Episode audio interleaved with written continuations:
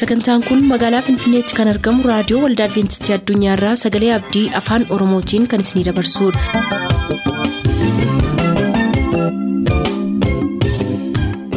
harka fuuni akkam jirtu dhaggeeffattoota keenya nagaan waaqayyoo bakka jirtan hundaati isiniif haa baay'atu jechaa sagantaan nuti har'a qabannee isiniif dhiyaannu sagantaa dhuga ba'umsaaf sagalee waaqayyoo ta'a gara sagantaa dhuga ba'umsaatti haa dabarru.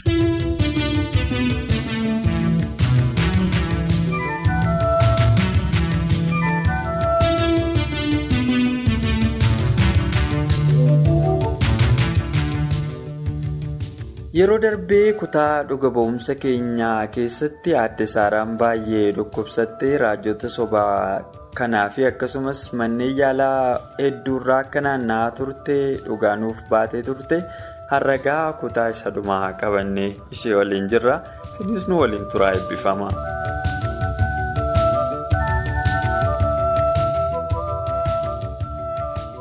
Yeroo dheeraa fi nyaata nyaatiin turte jedhama turtii hammamiif? Nyaata malee turte?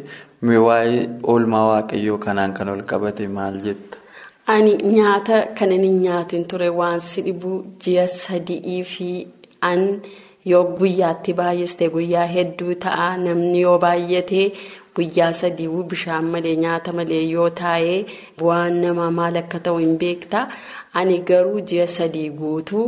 Omaa tokko afaan kootiin hin qabu bishaan hin dhugu biddeen hin nyaadhu daawwaama ogeessinaa kenne duwwaadha kanan taa'e waanan ta'eef waaqayyoommoo isa kana keessatti maaddii kan saanaa qopheesse gochaan ani irbaata mana waaqayyooti kennaa waaqayyoon fudhachaa turee fi dhiiga waaqayyoo inni fayyadamaa ture suni.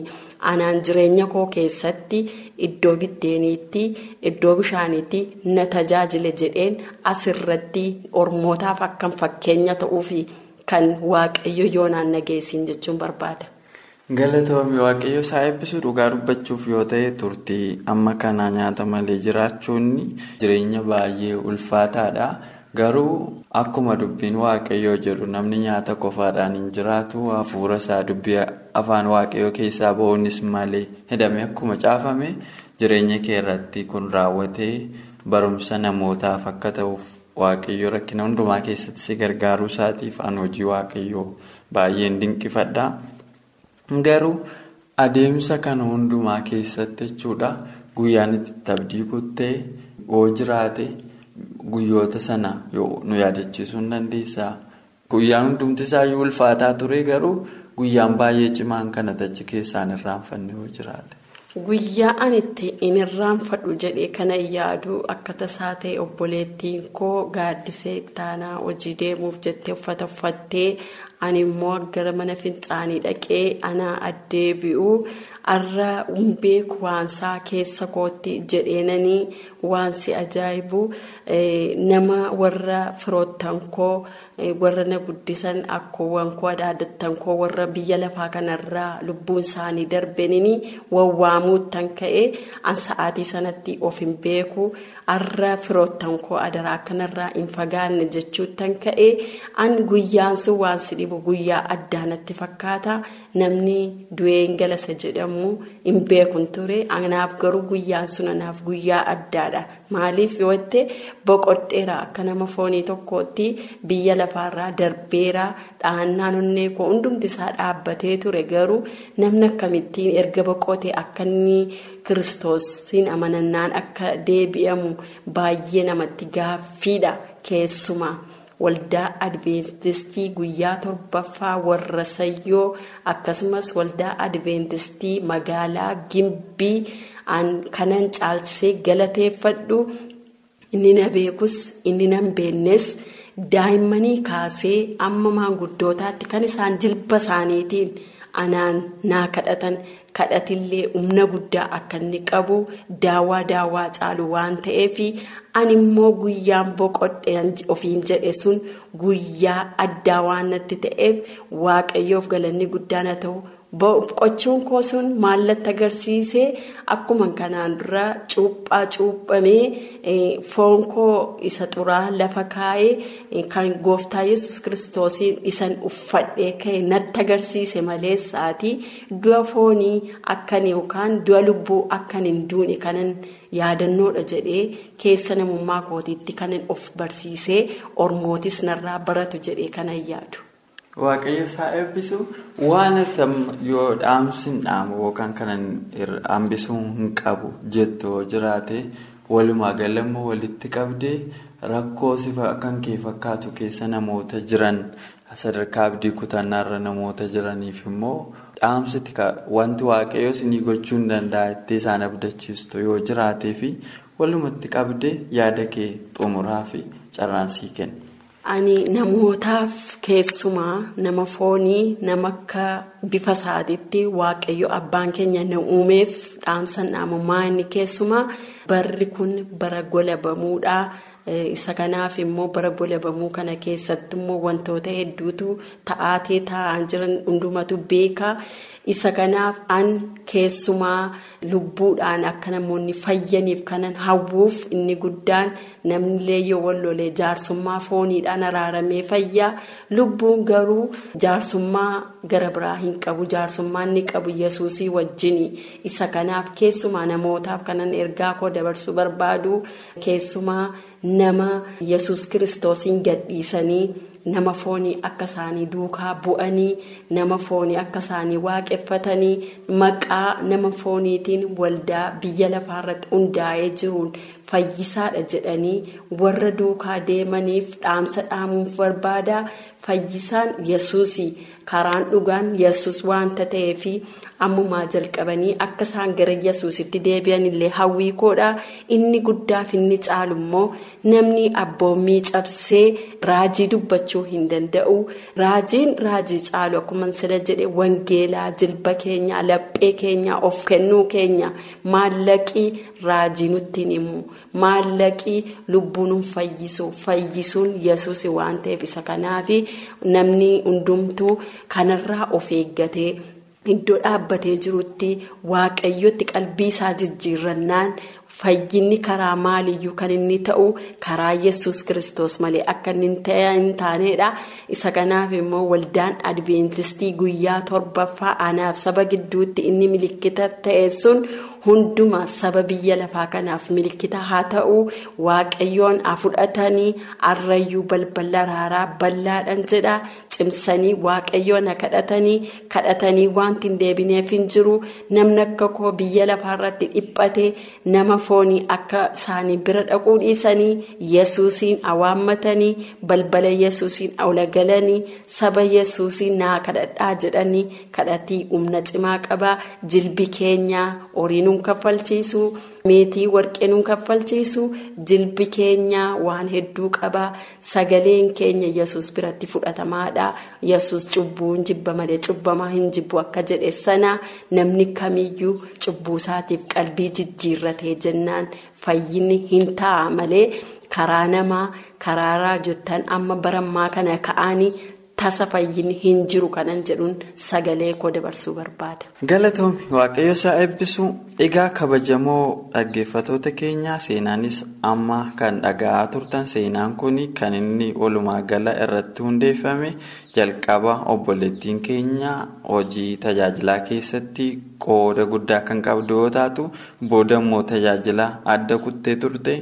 Sadarkaa sana keessatti taateen ishee mudate dhukkubsachuu yoo ta'u dhukkuba sanarraa fooyya'uuf immoo hospitaalaa fi namoota warra biyya lafaa kana xibaartota kana birallee utuu naafin deemteetti dhumarratti garuu waaqayyo rakkina isheen keessa deemte kana hundumaa keessa wajjin deemuudhaan rakkoo kanarraa ishee fayyisee har'a kunoo jiraattee isiniif dhuga ba'iisa kana qabattee dhiyaatteetti waaqayyo inni guddaan kun. Hunduma keenyaaf waaqa addaati waan ta'eef isiniif illee waaqni obboleettiin keenya waaqeffattu kun waaqa keessan akka ta'uuf jabeessaa waaqayyoon kadhadhaa. Rakkina kana fakkaatu keessa kan jirtan immoo abdii kanaan jajjabaadhaa. Inni sagantaa dhuga ba'iisa keenyaa har'aa isiniif xumurreerraa waan nu wajjin turtaniif galanni keenya guddaadha. Turtii gaarii isin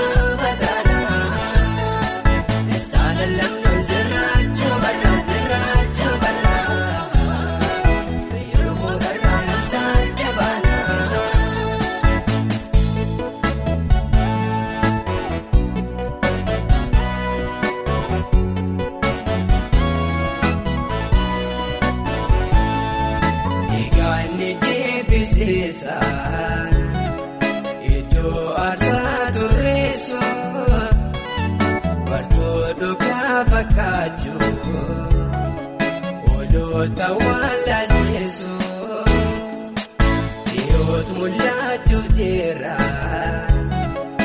inni sanyii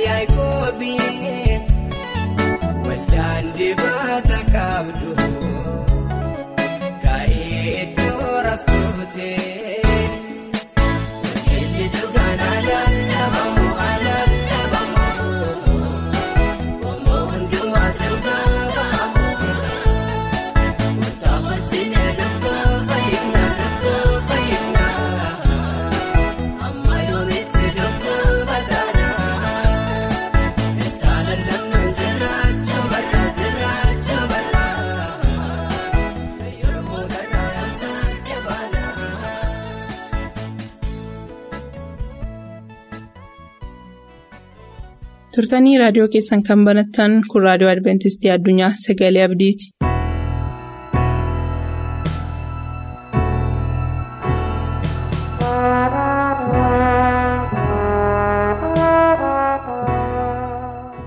Ayyaanni Waaqayyoo hunduma keessanii wajjin haa ta'u yeroo kana walii wajjin kan ilaallu Kiristoos hojii isaatiif namoota waamuu kan jedhu ta'a. Kakuu moofaa keessatti Waaqayyo kan waame keessaa namoota ilaaluu dandeenya. Jalqabatti kan ilaallu garuu seera ba'uu boqonnaa sadii lakkoofsa shan irratti akka dubbatu Museedhaan Waaqayyoo asin dhiyaatiin kan jedhu ergaatti dubbate ilaalla. Seenaa kana kana dura beekuu ni dandeessu ta'a. Garuu dinqii waaqayyo hojjete gabaabsinee ilaalla. Museedhaan kan jedhame bakka ati dhaabattee jirtu kun qulqulluudhaa waaqayyo waan kees qulqulluudhaa utuu hin qulqullaa'in asin dhiyaatiin kan jedhu ture. Har'a yoo ilaalleef kan faarfatus kan lallabus jira ta'a. Garuu yeroo sana museedhaan kan jedhame asin dhiyaatiin kan jedhu ture. Bara booddee kana keessa kan jirru hin dhiyaatiin kan jedhurra dabarree qulqulluu isa ta'e waaqa jiraataa kanaaf. ulfina waaqa jiraataa kan balleessine jirraa laata fakkeenyaaf mana nama guddaa yookiis beekamaa tokko seenuudhaaf kophee keenya baafachuun kaalsii keenya miiccachuun barbaachisaadha har'a eegaa mana nama foonii galuuf kan hundumaa goona erga ta'e mana waaqayyo waaqa jiraataa gooftaa gooftotaa isa ta'e galuudhaaf maal gochaa jira? Kophee keenya kaa'annee yommuu adeemnu miidhaa baay'ee nurraa eegaa nu gargaarus danda'a ta'a. Haa ta'u malee kopheen keenya ni dhuma ni hodhama kan kana fakkaatu ofitti baasii kiristoos duratti gad of deebisi kan jedhu sagalee waaqayyooti. gara museetti yommuu deebinu har'a biyya lafaa kana keessatti nama beekaman akkuma jiru museen nama akkasii ture. Museen ergaa kophee kee baasi jechuun erga isa qaqqabee mana gaarii jireenya gaarii dhiisee mana mootii keessa jiraachuurraa hoolota waaqayyo eegee digirii argachuuf filate. Museen gaaffinni of gaafate yoo jiraate anu waaqayyoon duratti nama attamiiti kan jedhu ture. Museen ergaan waaqayyoo qabatee waan baay'ee dhiise. Museen hanga waaqayyo harka isa qabutti rakkoo guddaa keessa ture haa ta'u malee museen rakkina isa hundumaa gubuu kan danda'u humna guddaa isa kan qabu fuula isaa duraa akka jiru arge. Sabni israa'el yommuu dhiphate hin jajjabeesse waa'ee galaana diimaa haa yaadan museen kophee isaa erga baafatee booddee fageessee waan waaqayyo hojjetu arguuf aangoon isaaf kenname. Humni waaqayyoo jiraachuu isaas hubatee galaanni kun akka hiramu bare hubatees amane. Kanaafis kopheen kan koo nagaa kan waaqayyoo filadha jechuudhaaf ofiisaa hin murteesse. Har'a yoo nyaannes yoo jiraannes ulfina waaqayyootiif ta'utu nurra jira. Museen hin danda'u jedhe malee nan danda'a jedhee kan inni jedhe tokko illee hin jiru. Waaqayyo na dandeessisaa jedhe. dubartiin homaa tokko hin qabne mana kootiis waan tokko hin qabu kan qabnu yoo jiraate nyaannee du'uudhaaf jette waaqayyo garuu karaa elsaa'iin raajicha dinqii isaan hojjenneere har'aa yoo nyaannee borduudhaaf jenna yommuu jette. Gaanii ishee maaliin guute jedha? Macaafni qulqulluun zayitiidhaan guute jedha. Zayitiin kun garuu kan inni agarsiisu fakkeenyaaf hora qulqulluuti. Har'a waaqayyotti yoo amanne namoota amanan yoo taane. Hafuurri waaqayyoon guutamnee waan hundumaa hojjechuu ni dandeenya. Kanaafituu Museen waan tokko illee ani hin danda'u jedhe waaqayyoo na dandeessa jedhe. Kanaaf kan fide kophee isaa baafachuun inni naga'aa waan hundumaa nan dhiisaa. Walballeessuu mataa isaa jaallachuu xuraa hundummaa hundumaa dhiisee waaqayyotti duwwaa ta'u isaa mul'ise. Waaqayyos geggeessaa saba isaatii akka ta'u isa godhe. nus waaqayyoof yoo of laanne ergaa bara dhumaa kana labsuu ni dandeenya.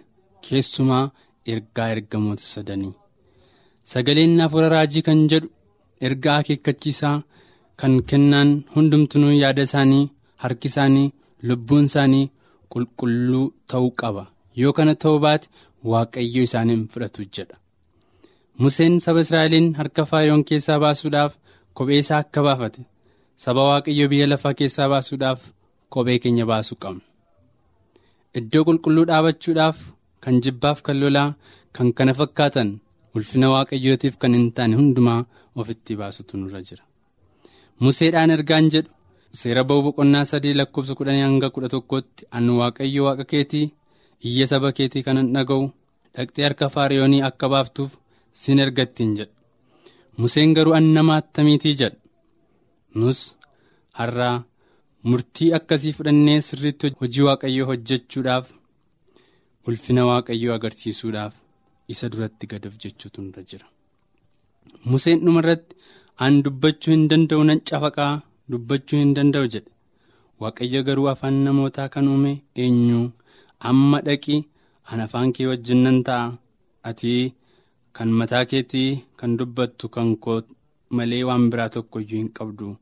waan hundumaa sin barsiisa dhaqittiin jedhu kan hundumaa waaqayyo museen yommuu dubbatu nan amana hin jenne kana booddee waaqayyo milikkita garaa garaa akka fudhatee dhaqu saba israa'eliinis harka misrii baasuudhaaf humna waaqayyo isaa kenne akka inni mul'isu godhe.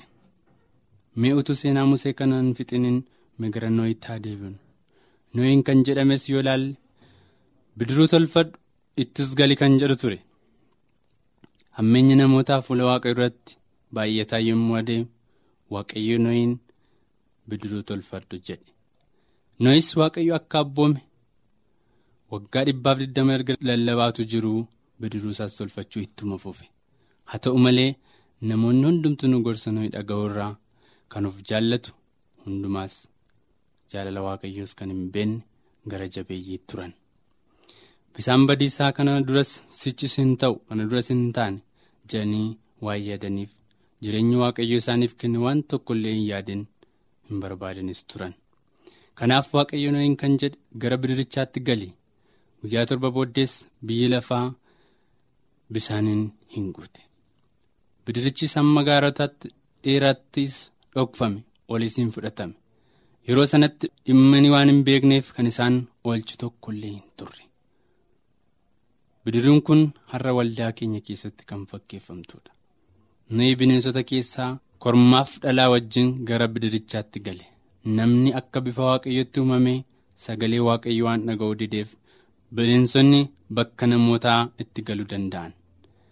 Nana mana bidiricha keessa fooliin gaarii akka hin turre?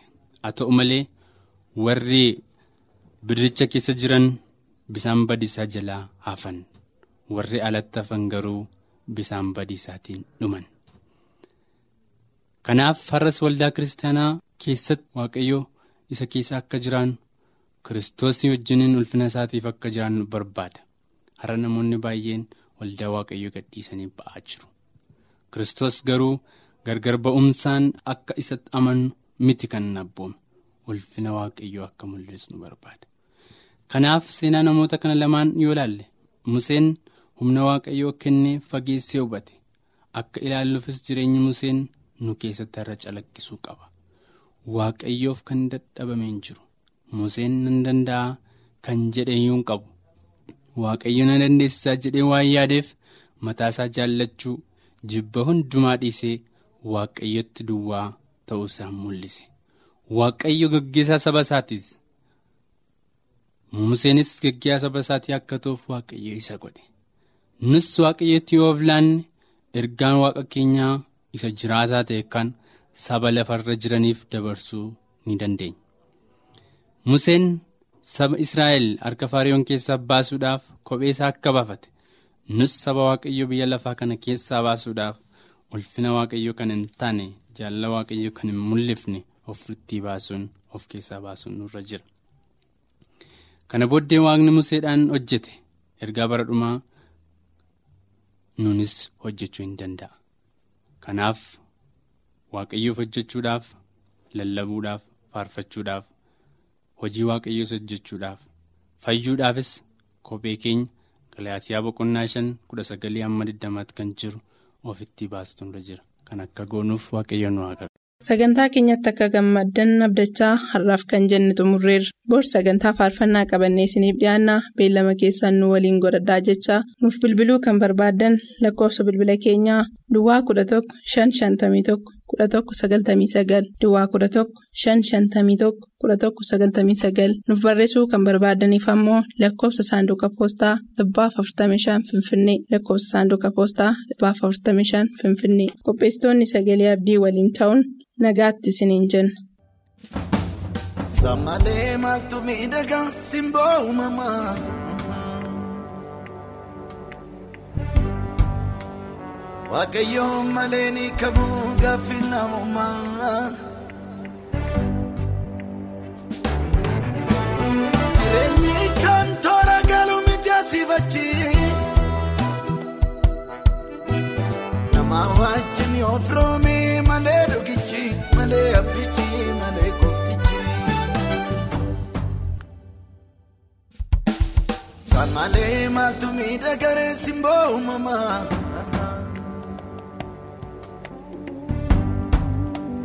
Waaqayyoon malee ni kamuu gaaffii namummaa. Jireenyi kan toora galu miti asiifachi. Nama wajjin yoo firoomee malee dhugichi malee abbichi malee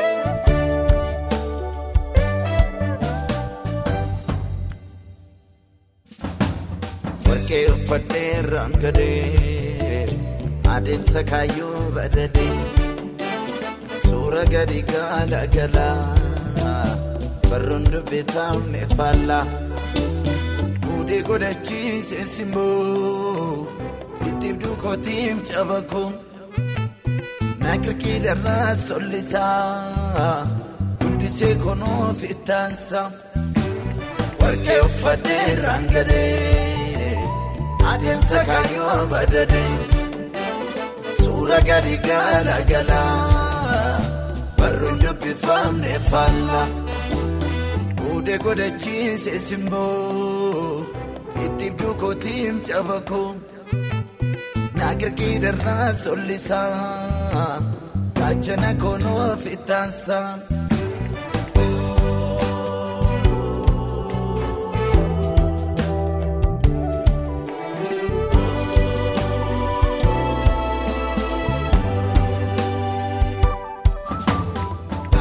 Waa hedduu isa duuba jireenya miti abjuun tolu tuuta akkas baay'ate gidduu. Waaqayyoon naa baanne taanaan daandii wallaalu kuteessoon namaan waatu. Facaasaniif isin biqiluu bokkaasaa malee. Boreessin numtaa jiraatu harka isaan inni gobatee ollaaf qajeelee. Ani argaan beekaa waa hedduu isa duuba jireenya miti abjuun tolu.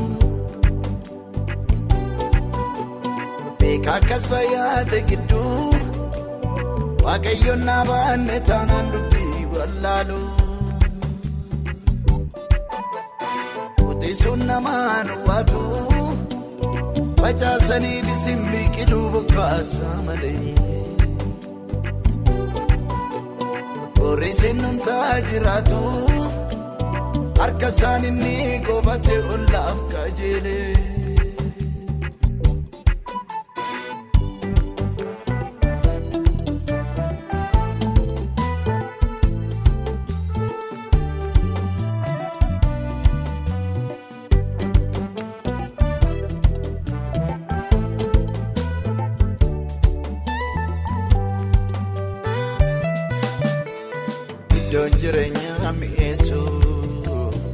Gurraacha seesiin addeessu qabaataniif jiraatanii dhaabanii baddoon ba'anii soogiddicha kaa dhoksaan koo daandii na fidee karaan koo lammaffaa dhalaata malee isaa hin argatu kumni duulee iddoon jireenyaa mi'eessu.